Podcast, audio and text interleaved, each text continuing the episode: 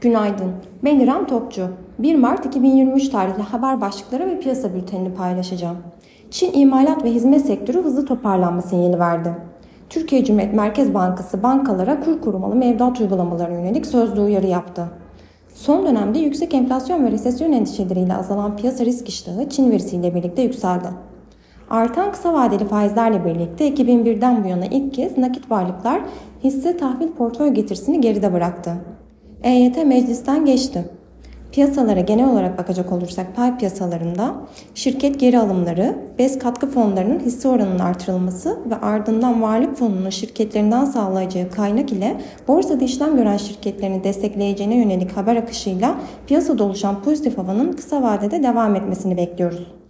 Ancak deprem sonrasında belirsizliklerin arttığı piyasada hisse ve sektörel bazda ayrışmaların öne çıkmaya devam ederek dalgalı seyrin sürmesini bekliyoruz.